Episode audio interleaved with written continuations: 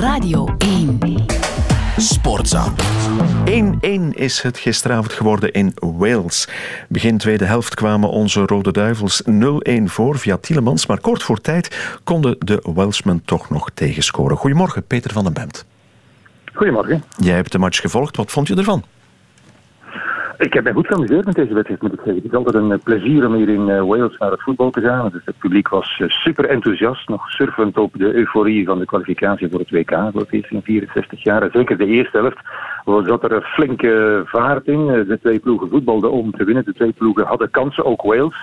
Dus dat was heel erg leuk. En in de tweede helft, oké, de Belgen dan voor controle gekozen, was het uh, minder. En op het einde nog even een opstoot van euforie. Dus alles bij elkaar was het een, uh, een leuke wedstrijd om naar te kijken. Maar zeker niet de beste van de Belgen. Niet de beste van de Belgen. Het is 1-1 geworden, een tegendoelpunt. Waar achteraf nogal wat over te doen was. Hè. De bondscoach uh, Martinez, onze bondscoach dan, die had het er moeilijk mee. Hè? Ja, uh, onbegrijpelijke uithaal vond ik dat, uh, Jan. Wij zaten met verbazing naar te kijken op de persconferentie. Dus hij beweerde dat uh, het een 100% geldige goal was, dat de lijn scheef getrokken was. Hij eiste uitleg van FIFA en UEFA, wilde eigenlijk, zag ik bij onze collega's van VTM, niet op het sportieve ingaan, want het enige wat telde was die onterecht toegekende goal van de Welshman. Wel, ik begrijp er helemaal niets van. Ik heb nog een paar specialisten geraadpleegd. Dat heeft gewoon te maken met een foute perceptie, met optisch bedrog eigenlijk, want hij zag dat bovenaan het verschil tussen de lijn die buitenspel moest aangeven en de baklijn uh, kleiner was dan beneden.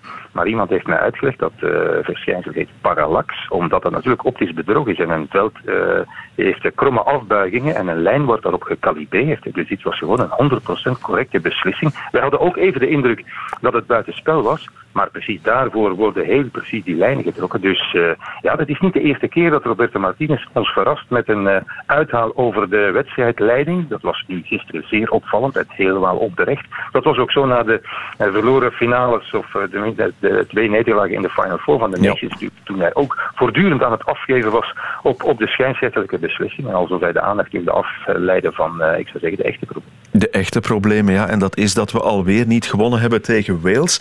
Alhoewel Kevin De Bruyne vond dat we toch hadden moeten winnen. Hè? Um, ik denk dat de uitslag gewoon correct was over de hele wedstrijd bekeken. Ik begrijp dat hij dat zegt, want na dat doelpunt in uh, het begin van de tweede helft hadden de Belgen controle over de Welshmen. Uh, die geraakten ook niet meer aan een kans. Wat de Belgen fout hebben gedaan, was zelf niet meer op zoek gaan naar een tweede goal voor controle gekozen en gaandeweg zakten ze een beetje in. En als je dan ziet, en eerst nog zeggen in de eerste helft, had België misschien het betere van het spel. Het was bij lang niet zo goed als tegen Polen. Uh, Wales is ook een betere ploeg dan Polen. Ze hadden ja. veel afval in het spel. Maar goed, ze hadden best wel wat kansen gecreëerd. Hadden een paar doelpunten kunnen maken. Maar de Welshmen hadden ook hun kansen.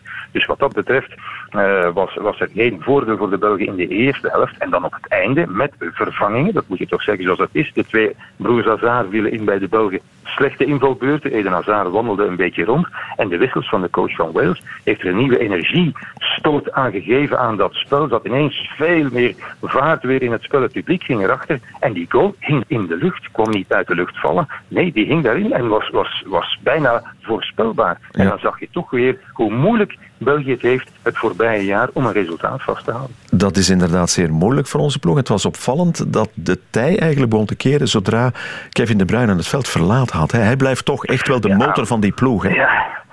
Ja, dat is ook niet zo moeilijk en dat ziet iedereen van op uh, afstand. Hij was niet zo goed als tegen Polen, vond ik. Maar ja, de, uh, ik vond Tielemans overigens ook wel een heel goede wedstrijd spelen. Die heeft het voorbije jaar ook problemen gehad in het nationale elftal. Maar die was echt goed gisteren met een paar geweldige ballen. Maar goed, het is niet, ik zou zeggen, het is geen schande dat België afhangt van Kevin De Bruyne. Want dat is nu eenmaal de beste middenvelder van de wereld. Elk andere elftal, zelfs top elftal, zou problemen hebben als De Bruyne er niet bij is. Maar het was zeker opvallend.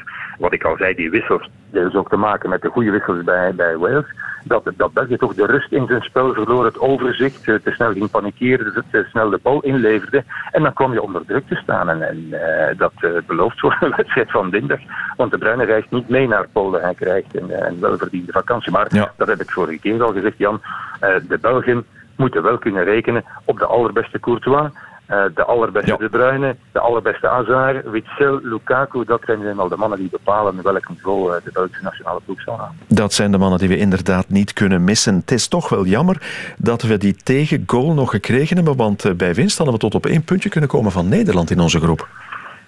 Ja, maar ik denk niet dat ze nog veel bezig zijn met het eindresultaat in deze Nations League-campagne. Eerlijk gezegd, de Nederlanders hebben overigens zelf een penalty nog gemist in de toegevoegde tijd. Of ze hadden toch nog gewonnen en dan was het helemaal voorbij geweest. Maar ja, um, ze zullen nog wel proberen winnen, nog wel proberen die Final Four te spelen. Maar ik denk diep van binnen denken ze, ja, het gaat om het WK uiteraard. En als ze zich niet plaatsen voor die Final Four, dan kunnen ze volgend jaar in juni twee weken eerder met vakantie. Dus ik denk dat dat nu zo erg is dat ze die wedstrijd niet, uh, die wedstrijden niet uh, zouden kunnen spelen. De bond zal dat erg vinden, want het is de bedoeling om die Final Four als België uh, in België te organiseren. Hè.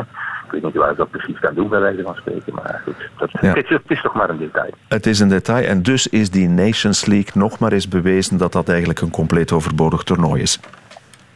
Ja, Jan, het is interessanter dan wanneer deze wedstrijd nu een gewone oefenwedstrijd zou zijn. Hè, want het hangt nu toch nog, het gaat toch nog ergens over, er hangt toch nog iets vanaf. En als je, als je goede, leuke wedstrijden, topwedstrijden kan spelen, dat is beter dan tegen Burkina Faso of Estland oefenen.